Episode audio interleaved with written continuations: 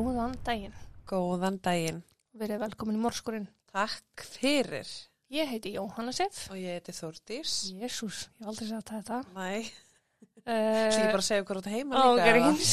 Hérna, rétt ára við byrjum þá ætlum ég að minna á um, afsláttu kóðan okkar hjá scrubdaddyisland.is Yes. skúrin eða mórdskurinn fyrir 15% afslátt af öllum vörum. Fullt af nýjungum á leiðinni hjá þeim. Sjáuð allt um það á Instagram. Já, ekki hjá okkur. Ekki Hjá okkur, nei, hjá þeim. uh, ég ætla að vinda með beinti máli. Jepsi. Hann Robert Limón, Limón fættist þann 11. ágúst árið 1976 og var sonur þeirra Sharon Reyes og Roberts Limón eldri. Fóruldra Roberts átti þetta að skilja og ólst hann upp við Havasu vatnið í Arizona. Hann tók skilnaði fóröld sinna mjög næri sér og lofaði sjálfum sér að hann myndi aldrei, aldrei, aldrei leggja það á sín framtíðaböld að ganga í gegnum áfallið sem að skilnaður getur verið. Sistri hans hafði þurft að ala hann upp meir og minna á meðan móður hans vann myrkran á milli og þetta voru aðstæður sem að sátu bara í honum. Hvað? Myrkrana milli. Myrkran á milli. Hvað næturnar bara? Bara endalstöðina? Ok. Hann útskrifaðist úr River Valley High School og fljótlega eftir að skólagöngu hans lauk þar. Þá flytti hann frá heimabænum til sýstusinnar og hóf sín fullónis ár. Róbert var hrókur allsfagnar, duglegur og vinnusamur, heiðalegur og með indæmum skemmtilegur. Þar sem hann var, þar var fjörið. Hann unir sér langt best í kringum stóra vinahópa og var veliðinn hvers sem hann fór.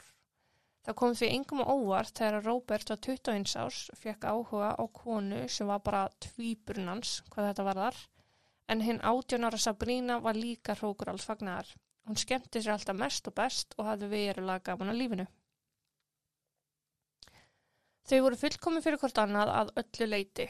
Ástinn blómstraði og þau sáu fljótt að þau ætlaðu, að þau ætliðu og vildu vera með hvort öðru að eilifu. Það kom því ekkert annað til greina en að ganga í hið heilaga sem þau gera í ágúst árið 2000. Ok.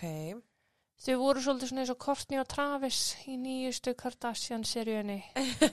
Alltaf í sleik, skýt saman hvað fólki fannst, ógeðslega skotinu hvort öðru og híkuðu ekki við að sína hvort öðru bara hvað þau elskuðu hvort annað, skýt ekki máli hver var að horfa þau.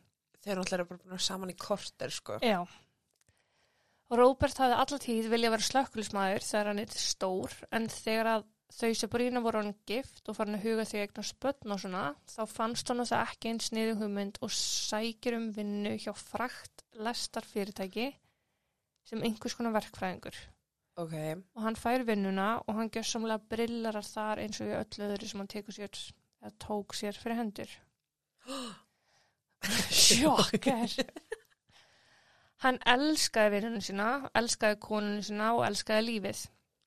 Silver Lake, þar sem hjónin ákvaðu að kaupa sér hús, var mjög lítill bær á amerískum skala, krútlegur og sagður einn af hamingisumustu bæjum eðimerkurar, eðimer, eðimerkurarinnar, eðimerkurarinnar, nei, eðimerkunar.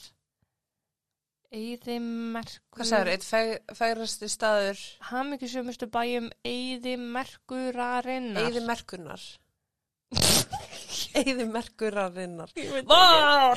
Í Eyðimerkinni. Já, Vá, þetta var heil mínúta á okkur að fá heila blóðfall. einmitt. Þau allan að þau komu sér fyrir í húsi á Strawberry Lane sem er náttúrulega bara ógeðslega krútlegt guttu heiti og Já. hefja lífið að alveg saman. Þau eignast sonin Robbie árið 2002 og dótturina Liana þreymur árum síðar. Sabrina vann sem heimavinnandi móðir lengi af og Robert hjælt áfram að byggja sinn feril í frakt lestar fyrirtækinu. Þessu hvað það er erfitt orð. Þau höfðu flutt þangað í Silvuleik svolítið ein á báti, veist, þau voru bara ein að flytja þangað, en á öskutstundu höfðu þau eignast fullt fullt af vinum og voru hann mjög vel liðin í þessum litla bæ. Vinapar þeirra voru þau Kelly og Jason. Jason var slökkulismæður og þar klikkuðu hann og Robert uh, samöðulegur áhugi. Já. og Kelly hafði verið hárgríslukona Sabrínu og maður kjaftar hvergi eins mikið eins og á hárgríslustofum þannig að þær höfðu bara smullið eins og púsluspill. Ángríns. Ég hef sagt minn dýpstu lindamál í Mm. hárgustulinu, sko. Naglakona mín og hárgríslukona mín. Vita, sko, vita meira um mig en allt fólki mitt er saman, held ég. En Róbert var þannig gerður að hann, sko, degraði konun sína endalust. Hann var alltaf góð við hana, myndi hana á hvað hann elskaði hana, gaf henni blóm, svona upp úr þurru og það var orðið svona djóki í bænum að konunnar voru farnar að- að lemja í sína eigimenn og byggja þeim að vera meira eins og Róbert. Já, ok. Já. Og Sabrína, hún var bara geggjöð í einhvern hún var bara ótrúlega stuðningsrík og, og veist, þetta var bara sjúklega flott hjónaband. Árið 2014 var Róbert enn í sömu vinnu, Sabrína nú farin að starfa hjá Costco, hildsölunni og börnin komin í grunnskóla. Lífið var ennþá jafn dá- dásamlegt og það hafði alltaf verið. Sabrína og Róbert jafn skotin hvert öðru og bara allt gott og blessað. Þann 17. ágúst fór Róbert til vinnu, krakkandir í skóla og Sabrína til vinnu. Sabrína og Róbert voru vön að senda hvort öðru skilabóð allan liðlangan daginn og það var engin undantekning á þennan morgunin. Róbert hafi farið yfir til Kaliforníu til að sinna lestastöð þar á vegum fyrirtæksins sem hann vann fyrir en hann var í um einn og hálfan klukkutíma að keira þangað.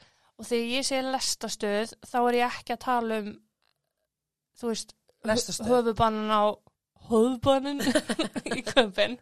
Þú veist, þetta er, þetta er bara frakt lestarstöð. Ekkert eitthvað opið almenning. Skilur hvað Já, við? þetta er bara vinnusvæði. Já, í rauninni. Ok. Það var lélast útskýring sem ég veit. Þetta er sko ekki lestarstöð, en þetta er samt sko frakt lestarstöð. Þetta er svona, þú veist, eins og Eithor vinnur á höfn, Já. en það er ekki höfn fyrir þig eða mig. Ég var sérst, ég má ekki fara á það. Já, Já, já, það er já, ekki já. fyrir svona, þú veist, þinn almenna almenning. Já, akkurat, ok. Almenna almenning, já, já. Allana, þegar að vinnudegi Sabrínu lauk, þá fór hún að reka á eftir svari frá Róbert sem hafði ekki svarað henni í einhver tíma. Hún leta hann vita að hún var búin að vinna, að hún var komin heim og svo fór hún að forvitnast hvernig hann sjálfur kemur heim. Hún fikk aldrei svar. Hún sendi á hann hvort hann kæmi í kvöldmat, hvað hann vildi kvöldmat og klukkan átta um kvöldi var Róbert ekki enn búin að svara neinu skilabóðum. Sabrína var grunlaus um að samstarfsfélagi Róberts hafði komið að honum látnum um klukkutíma áður. What? Já. Í vinnunni? Já. Samstarfsmaðurinn hafði verið á vaktinni sem átti að taka við af vakt Róberts. Hann voru vakt að skipta þarna um sjö. Ok. Hann hafði komið á svæðið rétt fyrir sjö þetta kvöld einmitt til að taka við af Róbert en þegar hann kom sá hann bara bílinn hans Róbert en Róbert er sjálfan hvergi. Hvað er mörg Róbert í því? Maðurinn fekk einhverja ónóta tilfinningu um sig. Hann hafði komið að lokaðu svæði sem var ekkert óeðlilegt í sjálfu sér að þetta er lokað svæði. Þú veist, er þú að fá heila blóðfall? Almóttur. Uh, en það var mjög skrítið að bílinas Róbert væri inn á svæðinu sem var lokað.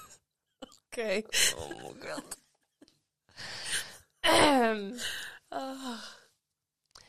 Ónóta tilfinningin átti svo sannarlega rétt á sér en maðurinn gekk fram á Róbert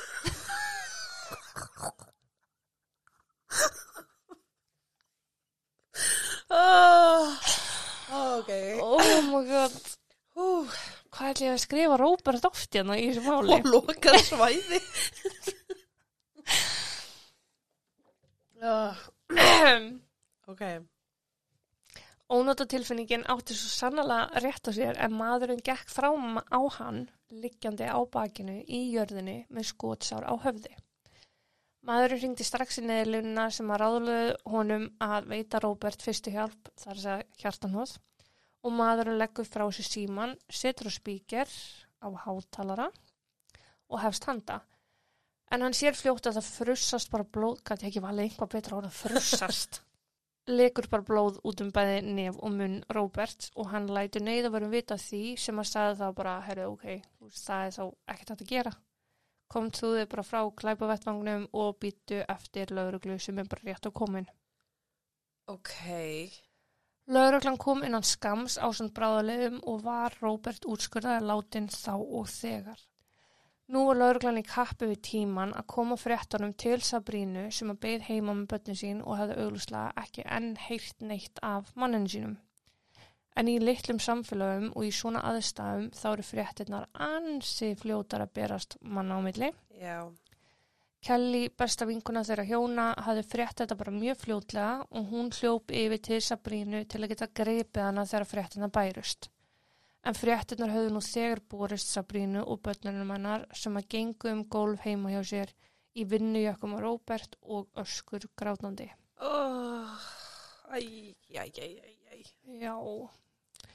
Það sem að tók svo við var það að Róbert var færður til krupningar og sýstir Sabrínu flutti inn til hennar og barnana til að aðstofa þau að komast yfir erfiðasta hjallan en það þurfti hér um byrja að svæfa Sabrínu bara eins og unga barn dagan eftir að Róbert dó.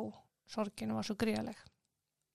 Þetta er reyna að kremja mér hértað. Mm Í fyrstu leit út fyrir að Róbert hafi verið á röngum stað og röngum tíma. Hann hafði verið skotin í tvígang, annars verið í bringuna og hins verið í höguna og það fer bara upp í höfuð. Uh -huh. Allt fyrirtæki var í rúst, búið var að opna alla skúfur,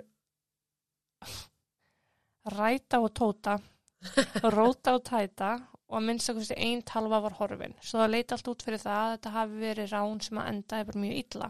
Ok. Rannsóknar aðilar fyrðuðu sig samt á því af hverju ósköpunum einhverjum ditt í hug að ræna þannan vinnstað, þessa lestuð. Ég veist, var eitthvað verðmætt þarna? Nei, það voru ekki neynir peninga geimtir aðna, bara tölfur og pappisvina. Já. Þetta er jú flutningafyrirtæki og því fylgir svolítið mikið af pappisvinu, en alltaf tekjur og greiðslur fara bara í gegnum, þú veist, Bankan eða eitthvað? já, eða bara fjármáldeildi eitthvað skilur. Já. En ég minna að þú veist, þetta er náttúrulega frækt fyrirtæki, þannig að er ekkert að ræna... Já, alltaf varningur á lestunum, skilur, Já. má vel vera. En það sem þeim þótti fyrirðulegra var að veski hans Robert var ennþá í vasunum hans þegar hann fannst. Ok. Þar ofan í voru peningar og kort. Þannig að lauruglun er bara, ok, þetta er einhvað skrítið. Akkur tjekkur ekki á húnum ef að, þú veist, Já, ekki nema þær voru kannski, þú veist, að flytja... Ekki nema þær voru kannski að flytja, þú veist, kókaina eitthvað með sér frækt vel og voru bara sækja það. Höfðu náttúrulega engan áhuga peningum með eitthvað. já, má vel vera. Er ég búin að gefa upp málið? Djók. Nei, með þessar upplýsingar uh, að þetta var mögulega rán þá var tæknidildin vongóð um að finna skotilkinn einhver starf. Þannig var bara svona, ok, þetta gæti verið rán, ef það er þannig, þá gerist þetta hratt og þá var þetta trúlega skilið eftir. Það er svona það sem þeir eru vanir að sjá í svona robberies gone wrong. Já. En tæknidildin fann bara ekki neitt og þá fóru rannsóknar aðlar að hugsa með sér aðrar ástæði fyrir því að Róbert var myrtur þetta kvöld. En það voru bara einhver ástæði til staðar. Róbert var dýrkar og dáðar af öllum kringu sig, vel liðin í vinnu, stóð sér virkilega vel þar. Fólk öfundaði lífið sem hann átti vissulega en ekki á einhvern ofbeldis fullan máta. Það var ekkert eitthvað, oi hvað hann hefur það gott, ég ætla að drepa hann. Nei. Þetta var bara svona, vá hvað hann hefur það gott, ég ætla að bæta sjálf á mig. Já, já, já. Afsist bara enga óvinni. Nei, hún var bara fyrirmynd fyrir fólk ef einhvað annað.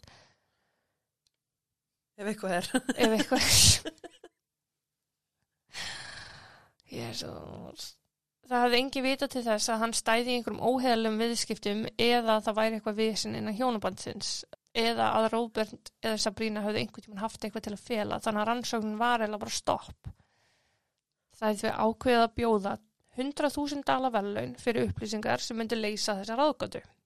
Ok. Þá fóru auðvitað hjólinn að snúast og það hrúast inn ábyrningar og upplýsingar sem að skilu eins og alltaf nákvæmlega yngu. Oh, Það tók bara ógeðsla langan tíma að fara í gegnum þetta allt saman. Lauruglan hafi farið við myndbandsupptökur úr nágrinni lestastöðurinnar og sáu að allir sem hefði komið nálatsvæðinu voru alltaf einstaklingar sem átti erindaðangað, nema einn. Það var maður sem að haltraði og þegar lauruglan fór að spyrja til um þannan einstakling þá vissi engin neitt. Lauruglan held að fram að grúska í þessu á meðan Sabrína og börnunarnar fylgdu eigimannu sínum, sínum og föður síðasta spölinn. Róbert var jarðaður við mikla aðtöfn, margir mættu til að minnast hans og Robby, sonur hans, fóð með ræðu við jarðafyrina þá bara 11 ára gamall og talaði um meðal annars hversu góður pappi Róbert hefði verið. Æ, Lögreglan komst að lokum að því hver haldrandi maðurinn var, en talið var að hann væri strákur að nafni Josh og átti brotaferil að baki. strákur. Já, bara ungur strákur. Og þegar þú segir haldrandi, þá hugsa ég eitthvað sko áttræðan með stað. Já, nei, nei, bara, þú veist, hann var með svona, Bara haldraði. Hann var ekki með neitt á sér, hann bara haldraði, skilju. Ó, hann var ekki með stað. Nei, Ó, sástu það fyrir já. Ó, nei, hann var ekki með það. Sixpenser og bara, Já, nei, nei, nei, nei, nei. ok. Josh hafði átt skó sem að stemdi við skófar sem að fannst á svæðinu. Þannig að hann er skoðaði frekar. Skótni stemma og hann er spurður hvar hann var kvöldið 17. ágúst. Hann var bara heimið að sér að tilla með fjölskyldinni og þetta gátti allir staðfest, skjálfest og þinglýst. Þetta var aldrei Josh á svæðinu. Það bara vildi hann til að þeir höldruðu báðir og Oh, þú veist. og that's it. Mm Hann var eini haldrandi maðurinn á svæðinu. Já. Já, ok. Næsta ábyrning sem að gaf lauruglu von var byssusmiður sem að ringdi eftir að hafa átt í grunnsalegum samskiptum við einn viðskiptavinn. Viðskiptavinnurinn hafði átt byssu sem hann vildi láta skipta um varhluti eða sko það stendur firing pin og ég ger mér ekki grein fyrir hvort það sé gikkurinn. Ekki hugmynd. Nei, en lauruglan fyrir og aðtöða þetta og vissulega hljómaði þetta allt saman grunnsala. Byssan var þess gerð að það átti ekkert að þurfa að skipta um nokkur skapaðan hlut í henni. En ég meina, hvað myndi gera það og myndi skiptum? Þú veist, myndi þá kúlan stækkað að vera öðru Nei, þetta bara, þú veist, þetta er eins og hún hefði staðið á sér eða eitthvað. Já, hann sætt first. Já. Ok. Byssan er handlögð, kúlunar borðnar saman við kúlunar sem að fundist í Róbert og það kom tilbaka sem neikvætt. Stemd ekki, Ok. þessu kúlunar. Þannig að það er bara eitt út. Já. Þannig eru nokkri dagaliðinir og það er ekkert að fréttir rannsókninni. Lauruglan er orðin frekar vandraleg að þeir eru núna í tvígang búin að koma með yfirlýsingar um að þeir séu með grunaðan í haldi eða á lista og svo bara, stemmer bara að djóka. Já. Þeir ákvæði því að fara í grimmari rannsóknarvinnu og láta skoða myndbandsupptökur úr myndafilum bara allt í kringum lestastöðina. Þú veist, bara einhvern radiustu kringum. Til að sjá sama haldrandi mannin og veit ekki hver það er. Já, eiginlega. Ok. Þeir fara við hvert einasta faratæki, hvern einasta gangandi vegfaranda og aðtök hvaða erindi viðkomandi átti á svæðinu þennan dag. Eftir mikla vinnu komu ljós að allir hefði átt erindangað þannan daginn en þeir náðu hins var ekki á eitt faratækið og það var mótuhjól. Á mótuhjólinu satt maður sem að enginn vissi hver væri og það átti eftir að vera helviti erfitt að reykja þetta. Þannig að mér er komað haldrandi mann og mann á mótuhjóli. Ok. Tveim vikum eftir að Róbert er myrtur berst lauruglu símtal frá Jason, besta vin Sabrínu og Róberts. Hann segir lauruglu frá, frá því að honum hafi borist talskilabóð og hann væri undrandi á innihaldið þeirra og vildi að lauruglan heyrði þau. Skilabóðin las inn maður að nafni Jonathan Hearn og sá hafði verið að vinna með Jason í slökkuleginu. Jonathan sagði í skilabóðunum að The weight of God is crushing down on me og að hann yrði að byggjast fyrirgefningar á gjörðum sínum. Hann sagðist vilja byggja bæði Jason og Kelly afsökunar á sínum gjörðum og fyrir að hafa valdið miklum sásöka. Jonathan var 24 ára gamall fyrir um vinnufélagi Jason. Uh, Þú veist- ekki lengur í slökuleginu. nei, Ok. ekki lengur að vinna á sem stöð og Jason. Hann var sérst ennþá Já. samt. Ok, já, því að 24 ára að hætta í Já, starfskröfni já, svolítið. Já. Já. Ok. Ef þið viljið einhver fleiri dítal á Jonathan þá var hann mjög trúaður, fjölskyldan hans mjög trúið, einn af sex eða sjö sískinum, hann hafði verið mentaður heima á sér, inn í stofu af frökin mömmu. Hann hafði svo farið í slökklisnám og síðar fengið vinnu á sömu stöð og Jason. Ok. Jonathan var eitt þeirra sem að fór og sótti kost fyrir slökkulistöðuna, fór og kipti matinn. Sótti kost. Já, þetta kostur er dót sem er ekkert fór og sótti mat fyrir slökulistöðuna Og hvar heldur þú hann hafi keift matinn? Á fræktstöðinu sem Róbert var ná. Nei, í Costco. Ó, Og hver var hann í Costco? Sabína. Sabrina. Já, Sabrína. Jonathan hefði farið reglulega í Costco og kynst þar Sabrínu. Þau hittast fyrst í oktober 2012 og Jonathan fannst þessi kona sem var töluvert eldri en hann sjálfur að skoti myndaleg.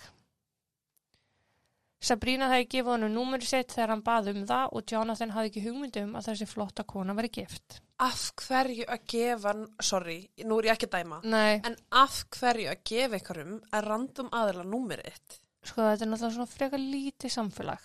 Ok, og hvað ætli þegar hittast í kaffibólla eða? Mm, Já, Ok, kannski, skilur þau. Sabrina kannski ekki alveg að tengja heldur að Jonathan hefði svona áhuga á honum, sko. Jonathan hafði ekki vita að hún væri gift að því að Sabrina hafði ekki mátt ganga með skarkripi í vinnunni. Þannig hún var ekkert með giftingaringin á sér. Já, ok. En samt. Já. En það myndast þannig einhver vinátt að en það breytist í ástarsamband á nokkur vikum. Ok, ok, ok, now I get it. Mm. Þau voru bara með einhverja tengingu og gáttu bara ómögulega barist gegn því að byrja að lúla saman. Já, það var bara, þeim var bara haldið Mm saman. Bara tilneitt. Já. Þetta helduði frá öllum í kringu sig en Kelly, vinkun og Roberts og Sabrínu var einhvað farin að gruna. Jonathan hafði eitt skipti til dæmis mætt í partí þar sem þau vinahjónin voru, sem vinahjónin eru þá Kelly og Jason, Sabrína og Robert. Já. Og Sabrína var mjög vandraleg þegar Jonathan kom inn og þegar Kelly kynnti þau, þá var andurslóftið eitthvað svo óþægilegt. En Sabrína, bara hvernig hún er og var, er, hæ, hvað segir þú veist, og bara Já. demdi sig yfir manneskinu einhvern veginn og vildi bara kynnast öllum. En við Jonathan þá var hún svona ógeðslega mikið tilbaka. Ok. Ástæðan fyrir því að andurslóftið var óþægilegt var vegna þess að Jonathan og Sabrina þekktu hvort annað, bókstala inn og út. en þau voru þarna þykjast hafa bara séð hvort annað í Costco. Já. Kelly hætti alveg að lítast á blikuna þegar Jonathan var farin að tróða sig með í allt sem að vinahjónin gerði saman sem var bara mjög vandrald fyrir Jonathan líka verandi fymta hjólið. Já. Þannig að hún var bara hvað að gera, eða þú veist. Já. Sabrina og Robert ástókinni fyrir haust og voru mannstöðu alltaf mjög óhætt við að sína að þau var í skotinu hvort öðru Uh með snertingum og kossum og hvað hérna. En Jonathan hafði verið að senda Jason skilabóð bara alltaf, hæ, má ég vera með? Hvað ætla að gera kvöld? Og hafði aldrei áhuga að gera neitt með þeim ef að Sabrina var ekki á staðnum. Ok, obvious. Já. Þetta fór úr því að vera kannski að gerast vikulega, fór ég að gerast annarkvæð dag og svo daglega og svo bara oft á dag, bara hæ, hvað þetta gera? Hittir Sabrina í dag? Ætlar að hitta þau? Má ég koma með? Hvert farið? Hvert ætli? ég? Má ég koma með? Má ég vera með? Þú veist, endalaust. Ok, perrandi típa. Já, og endan mér Jason bara, jæja vinnur, bakkaðu og þá byrði Jonathan um númerið hjá Robert og Jason er bara, af hverju ætti ég að gefa þér það? Þú þekkir hann ekki neitt. Nei, ymmit. Og það er þá sem að Jonathan segir Jason frá litla lindarmáli þeirra Sabrínu sem að Kelly var auðvitað lungu fann að gruna og búin að tala við Jason um þetta. Ok. Jason hefði bara verið bara svona, nei, þú veist, hann er kannski bara skotin í Sabrínu eitthvað, það er ekkert sem er á það milli. Þess vegna var hann alltaf að bregða svona illa við þegar Jonathan var að tróða sér inn í þess að reyna að komast nær Sabrínu. Já. En Jason var bara rjálar við þessa fregnir að hérna Jonathan og Sabrina væri að sofa saman og drullaði yfir Jonathan í síman hleypur beint til Roberts með Jonathan í símanum ennþá og segir honum fréttinar sem að Jason held að myndi hreinlega rústa lífi Roberts. En? Robert, hann tók þessu með mikill ró. Hann hefði nefnilega löngu verið búin að sjá skilabóð á milli Jonathans og Sabrínu og hann hafði talað við Sabrínu um þetta. Sabrínu og Robert hafði meira segja hringt saman í Jonathan og rætt það að þetta samband þyrfti að hætta. Robert, haf, Robert hafði beðið Sabrínu um að útskýra fyrir sér bara hvaða væri sem hún væri að sækjast í í Jonathan og hvað hann sjálfur geti gert betur. Hann vildi finna bara rótina af hverju Sabrína hefði leitað annað sem Ókei. hlýtur bara að vera skilningsríkasti eiginmaður veraldar. Ég, já. What? Þú veist, var, hann var ekkert brjála, hann var nú, ok, hérna hvað kom upp á? Líka bara eitthvað, sæll Jónathan. Já, hvað segiru? Viltu ekki hætta að sofa hjá konunum minni? Við ætlum að vinna úr þessu. ok. En Jonathan, hann hafði byggðið Róbert afsökunar og sagst verið miður sín að hafa sveikið Guð og Róbert sjálfan og að samband hans og Sabrínu væri nú lokið. Það hófst samt aftur eila bara áður en því lauk. Sabrínu og Jonathan voru fyrir að lúla saman mjög fljótt aftur. Róbert var svo sem hissa að sambandi hafi hafist aftur um millera og býðst til að tala við Jonathan í síman hjá Jason. Og Jonathan viðurkennur, viðurkennur, viðurkennir voltfö að hann sé að sofa hjá konunans og byður afsökunum um því og lofar að hætta að hitta hana aftur. Eftir þetta þá virðist, þá virðist allt fara bara í hið gamla far aftur. Gamla, gamla far sér satt að Robert og Sabrina komast yfir þetta og Jonathan hættir að áreita Jason og er eða bara úr sögunni. Ok. Eða hvað? Einn daginn er Kelly að stökkva í Costco og rakst þar á vinkonu sína Sabrínu með engan annan en Jonathan alltof, alltof nálagt sér fyrir gifta konu að vera. Var hún að vinna? Hún var að vinna, já. Ok. Kelly fer út úr búðinni, beint heim og klagar í Jason sem ringir auðvitað beint í Jonathan sem er bara neyninni, þetta er bara vináta, ekki taka þessu svona. Við erum bara tengt vináta böndum og jæri, jæri, já. Ok. Bullshit. Já, Jason er sá sem að segja núna við Jonathan að hann eigi að láta Sabrínu í friði og gefur honum svona síðustu aðveruna. Jonathan nú í þriðja skipti bara já ok, ég lofa. Ég hættur að tala við Sabrínu. Ok. En hann lofar auðvitað ekki neitt og samband hans og Sabrínu heldur áfram hvort sem að það hafi verið vinótt eða hongiti donkiti. Wow. Þessi Jonathan hafði tveimu vikum eftir andlat Roberts bankað upp á hjá henni sirkjandi Sabrínu með risa blómvönd. Hversu taktlust. Já, eða þú veist. Æ, líka bara, Sabrina! Já. Já. Þú veist, já. Skildu við Róbert.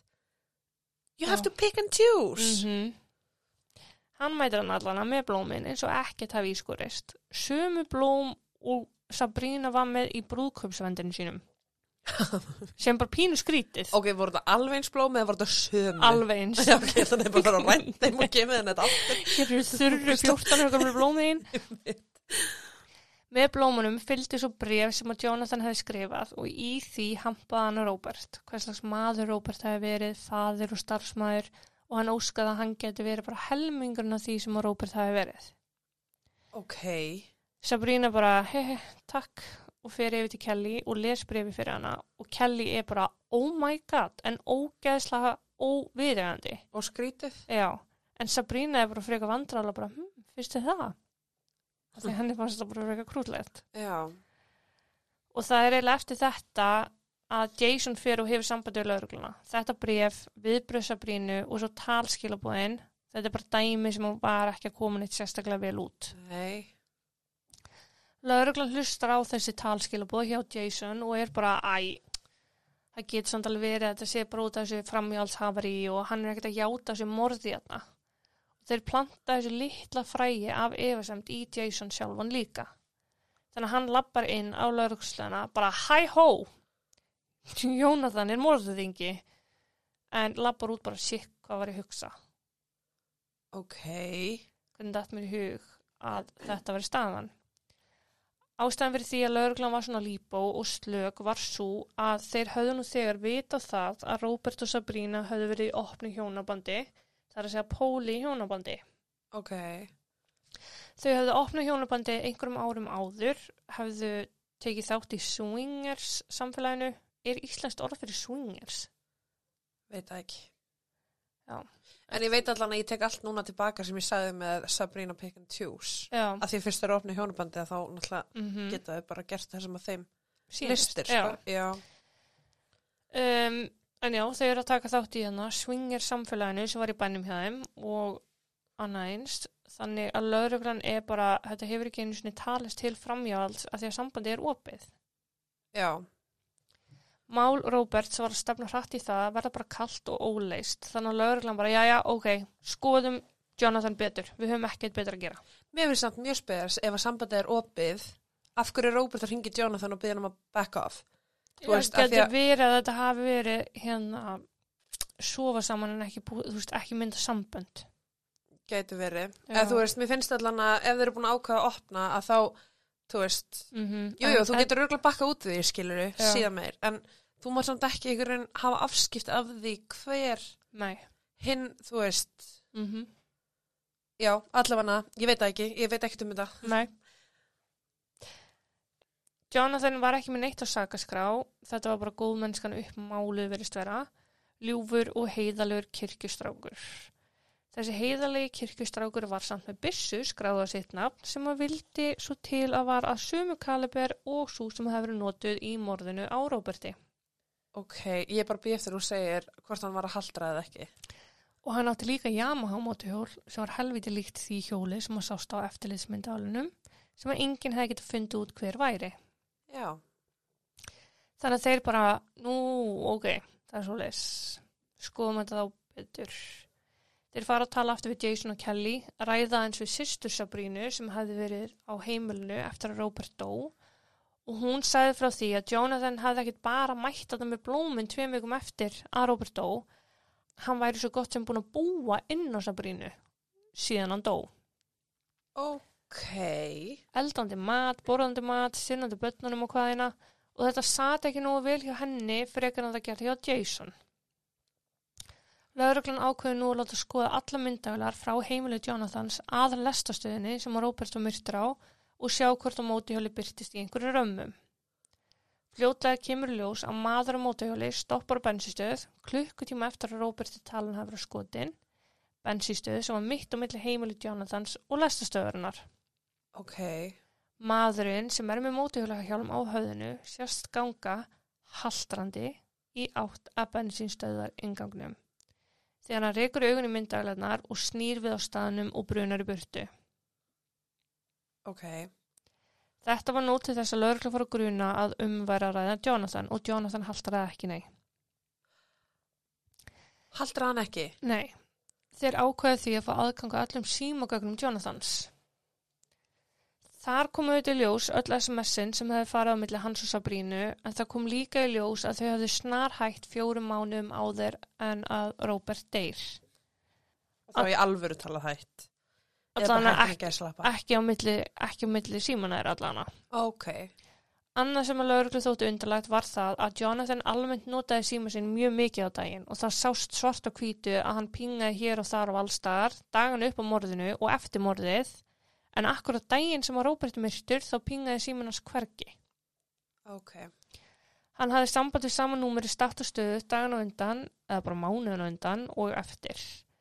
Þetta var númer sem enginn kannast við og við nánari aðtöfun þá komu ljós að þetta var svona burner phone. já, sem var ekki hægt að rekja Já.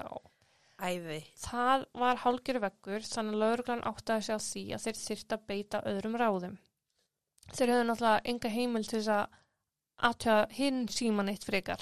nei, Þeir fá því heimil til að hlera síma Jonathans og hver heldur að hafi verið á línunni og eigandi burner símans. uh, Sabrina Costco Lady Yes, Costco lady. Í símtölunum sem að lauruglan hlusta á voru Jonathan og Sabrina að játa ást sína á hvort öðru, rúsla mikið, og ræða framtíðina og hvernig þetta allt fór hafi verið áform guðs og þeim var ætlað að vera saman og jari að já. Einstaklega sinnum heyrði lauruglan þau ræða að þau varu stressu fyrir rannsókninni á morðinu og alltaf þegar þessa samræður átt sér stað þá ringdi Sabrína í laurugluna og spurði hvernig gengi. Og lauruglan bara já, alveg stopp, ekkert að frétta og þá ringdi Sabrína í Jonathan og var bara jippi kóla, engin veit neitt, við erum safe. við erum safe Já. Og þau og lauruglan er náttúrulega hlusta á þetta skilur já, er bara keeping track já endalaust. þó Einn- þetta sé phone Já, þau eru að hlera síman hans. já, ok, já Inn á milli töluðu þau um það að hafa syndgað og að þau þyrft að bæta upp fyrir brot sín og að þeim liði eins og þau væri vest í heimi og að samvinskupiti væri að naga þau. Æj, æj. Lauruglan var að hlusta á símtálinn oft live eða bara í beinni útsendingu og einu þeirra þá voru þau að byggja saman og bænin var einhvers, einhvern veginn svona. Góðu Guð, það eru okkar eigin gjörðir sem að valda þessu samvinskupiti. Við gerum okkur grein fyrir því að við séum skítug og rótin fyrir það sem við höfum gert og við byggjumst afsökunar á því. Já, Amen og halleluja. ég byrst afsökunar. Þegar að lauruglun heyri þetta henda þeir SMS skilbúðum á Sabrínu bara á meðan símtalið er að eiga sér stað. Ok, senda þeir skilabúð á eiginlega síma Sabrínu með mynd af manninum á mótihjólinu með mótihjóluhjálm á bannstöðinni og skrifuðu hei við höldum að þetta sem maðurinn þekkir hann eða kannastu við hann? Já, og þá heyra þeir Sabrínu segja við Jonathan síman bara við skulum byggja og þau byggja bara og byggja af því þarna var hún alltaf að fá ah, we're on to something. Ok. Og þeir eru alltaf býð eftir að þeir nái að þau viðurkenni eitthvað Já, þú veist, officially á þú veist, hættið að tala við Guð, segið Já. bara, herru, þau veit þetta sér þú. Já I wish Er þetta bara að vera svona fram og tilbaka? Nei Í nóvember, þreim mánuðum eftir morðið á Róbert, þá voruð bæði tvö handtíkin fyrir morðið á Róbert. Jonathan sagði strax að hann var saklaus og henni Sabrínu, henni var sleppt eftir tvo daga. Að þetta voru engin haldbar sönnungögn gegn henni. Ok, Það var þá svo sem ekki heldur gegn Jonathan en samt tölvöld meira. ok. Svona tilvíluna kent Já, sönnunagögn. Sabrína var yfirheið fram og tilbaka en hún sagði ekki orð og þegar hún losnaði þessu úr gæsluvaraldi þá var hún bókstala vinalaus og nánast fjölskyldulaus að því að fjölskyldan hennar elskaði Róbert og það voru allir bara þú ert morðingi. já, Sabrína endaði á að taka börnin sín úr skóla og var með þau í heimaskóla en það gekk ekkert til lengdar þannig að hún pakkaði töskur og flutti annað. mátti það bara? Já, hún var, það var ekki hægt ákjörna verið neitt. Ok, og þar lifði hún bara góða lífinu á meðan allir í kringum hana vissu að hún hefði komist upp með morð eða aðild að morði í það minnsta. shit. Og svo leiðis var það. Nei. Nei, djók, það meira. Oh ég hefði kastað þessu cappuccino í þig, sko. Seint árið 2016 var komið að réttarhöldum Jonathans, þessi tveimur árum eftir. Og tveimur vikum áður en að réttarhöldin átti að eiga sér stað, þá hefði Jonathan samband til lauruglu og saðist vilja ræða nokkra hluti. Hann, fyrir að fyrsta, hann viðurkennir morðið. Oh my god, segir hann að Sabrína leta hann gera þetta. Nei, ekki alveg. Ok, Hann sagðist hafi verið einn, en það var ekki sangjant að hann verið einn sakveldur fyrir morðið. Sabrína átti stóran þátt í planinu og það var í raun hún sem það hefði planað þetta frá upphafi. ok, Hún vildi ekki vera gift lengur en hún sagðist ekki geta skilið vegna trúar sinnar og væri frekar tilbúin til að taka sjensin á morð ákjæru frekar en að skilja. Ekki þá gifta þig Já, ef þú getur ekki skilið. en hvar liggja línurnar með Já, þú veist, skil, opið samband ég er líka bara skilnaður versus, morðákjara? já, En hún var allan á því að börnin hennar ættu auðveldra með það að komast yfir að missa föður sinn en að horfa upp á fóröldar sinna skilja. ok, sko, ég held, ég kann ekki bibl biblíuna vel, en ég held að biblían segir að þú er ekki að drepa næsta náunga. Mm, Nokkuð vissum það líka, já. Já, og ég held að það sé svona kannski meira vægi heldur en þú mútt ekki skilja við makkaðinn eða eitthvað. mm, nei. Ég er líka bara, ég er skilnaðabatt, sko. Ég er mjög fegin að ég er bara skilnaðabatt en ég þarf ekki að sérkja pappa minn, sko. Ég er svo mikið slið, sko. Já, þú voru það hérna voru bara ekki Ég, saman. ég, er, ég get ekki sér sagt ég að vera skilnað Nei. sko. Þú veist, mamma og pappi voru aldrei saman, barn. mm -hmm. En hún, þá er ég bróðir sem er fættan sama ár já, nokkvæmlega. með annari konu. Já. Shame on you, daddy, ha? What have you been doing? Uh hún hafði, hún Sabrina hafði mér þess að haft orð á því að þetta væri öruglega það sem að Róbert sjálfur myndi vilja, því að hann hefði frekar viljað deyja en að skilja. Getur þú ímyndaðir þessar samræður í einhverjum heimi? Konan sest með þér, ég vil skilnað. Já, dreftum bara. Nei, sko, nei. Þetta er það sem að hún sagði að hann hefði sagt. sagði, nei, hún sagði að hún væri að gera Róberti greiða að því að hann hefði sjálfur vilja frekar deyja en að skilja. Ok, ég væri til að fá þessi orð eða þessa yfirlýsingu hans skjálfesta, mm -hmm. og bara beint á pappir fyrir frammi. Já, en þetta var aldrei, hún, hún gaf það aldrei í skinn heldur, þetta var yfirlýsing frá, þú veist, honum, þetta var bara svona, ég þekki hann, ég veit hvað hann vill og Já, þú veist, hann hefði frekar, og það var samt alveg þannig, hann var mjög brútal með þetta að gera, að þú veist, hann vildi, þess vegna opniðu sambandi sitt, að þau, voru að reyna að gera allt þess að halda hjónabandinu góðu, þannig að myndi ekki skilja fyrir börnin sín, af því að hann var skilnaðabann og það, fó- þú veist, var fokkað honum upp skiljur Já, og en mér finnst samt að hann hafa átt að fá, þú veist, ultimatum, bara skilja eða vera drefin, hvort viltu. Já, hann alltaf ekki spurður um álit. Nei, en þú veist, já. En hún nefndi það líka að það myndi ekki skada að hún myndi fá þarna 300.000 úr líftryggingunans pluss að hún fengi survivors benefit sem eru bara bætur til aðstandanda fórnalamba að því að hann myndi sér stegja í vinnunni. Já, Þú veist, hann er í vinnunni ok. þá fór hann bætur út frá því. Með þessar upplýsingar þá gæt Jonathan samið og hann semur sér satt þannig að hann var upprunalega ákjörðu fyrir morð á fyrstu gráðu Já, um, og átti fyrir það að fá lífstegafangilsu án reynslu lausnar. já, En í staðin þá samdan um að hann myndi játa á sig voluntary manslaughter. já. Og sem er sem sagt, voru það fyrstu gráðu, annar gráðu, þriði gráðu og svo kemur. Já, akkurat. Og hann semur þetta fær fyrir þetta 25 ár en hann þurfi ekki að setja af sér allan dómin. Uh -huh. Sérst að hann komist út á einhverjum tímapunkti á þessum 25 árum. Já, Og í skiptum átti hann að vitna gegn Sabrínu. já, Fjölskyldar Róberts voru bara, uh, ok, þetta er alveg umulegt, en rannsóknlauruglan var bara, það er þetta, eða þá að Sabrína heldur að vorum að lifa góðu lífinu, sek um morð, uh -huh. en þarf ekki að takast á við neina afleðingar. Þannig að það samþykti allir aðilar, að því að fólki fannst þetta svolítið iffi, að það var að gera svona tveimur árum eftir, Já, líka bara ægið, þú veist, manni finnst 25 ár bara ekki vera nóg. Nei, Re einhvern nægi refsing fyrir það að myrða ástvinn, sko. Næp.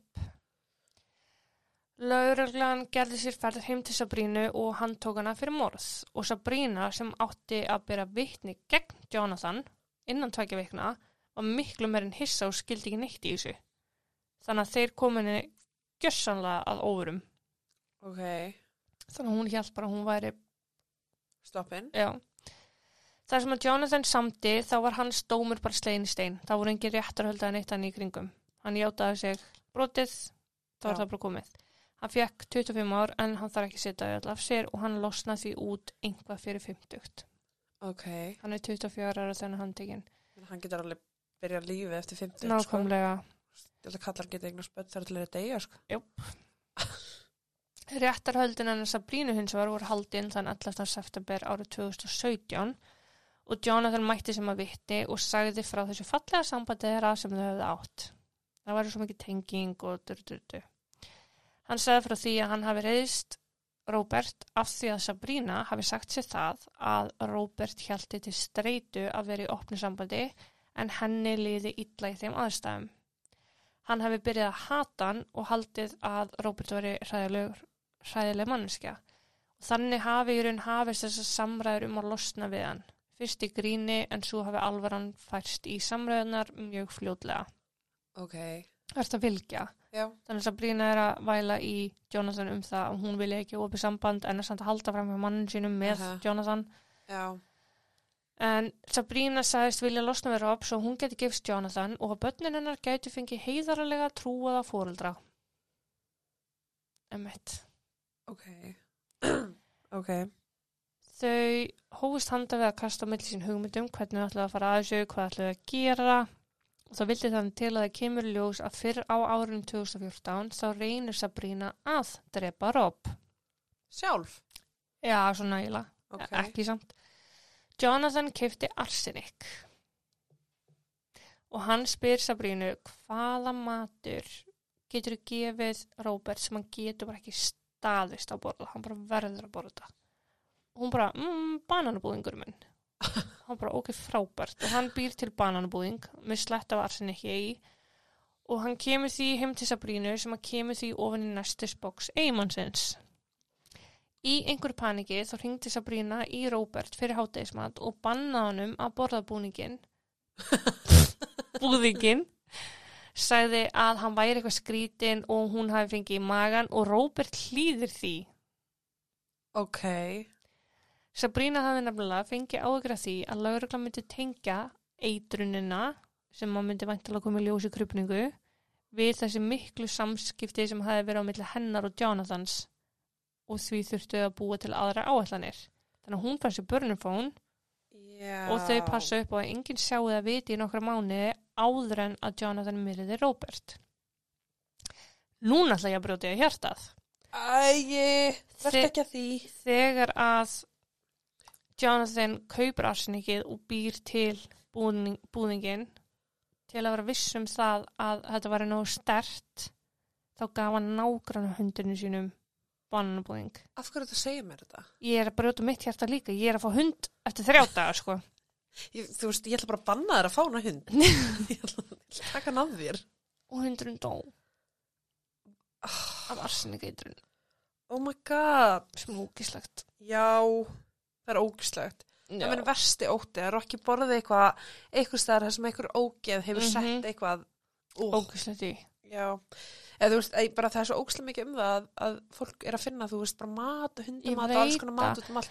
Og ég hugsa alltaf bara, af hverju, ætti einhver Mhm. að skilja eftir matarna, nema að þetta er eitthvað ógeð sem er búið að setja eitthvað út í Nákvæmlega, hvað var það? Frostlaugur, ég veit ekki hvað, hvað sem var að vera eitra fyrir köttum og hundum og eitthvað. Já, þú veist, ég bara, sko, Rokki er næstu í 20 kíló. Já. Ég er nánast held á honum þegar ég fyrir gangutum, þú veist, ég er bara, þú færði ekki að þema af Oh neinu. my god, nú er ég stressu, ég er að fá kvolp á föstu daginn. Lítan En fyrstu degin þessi þáttur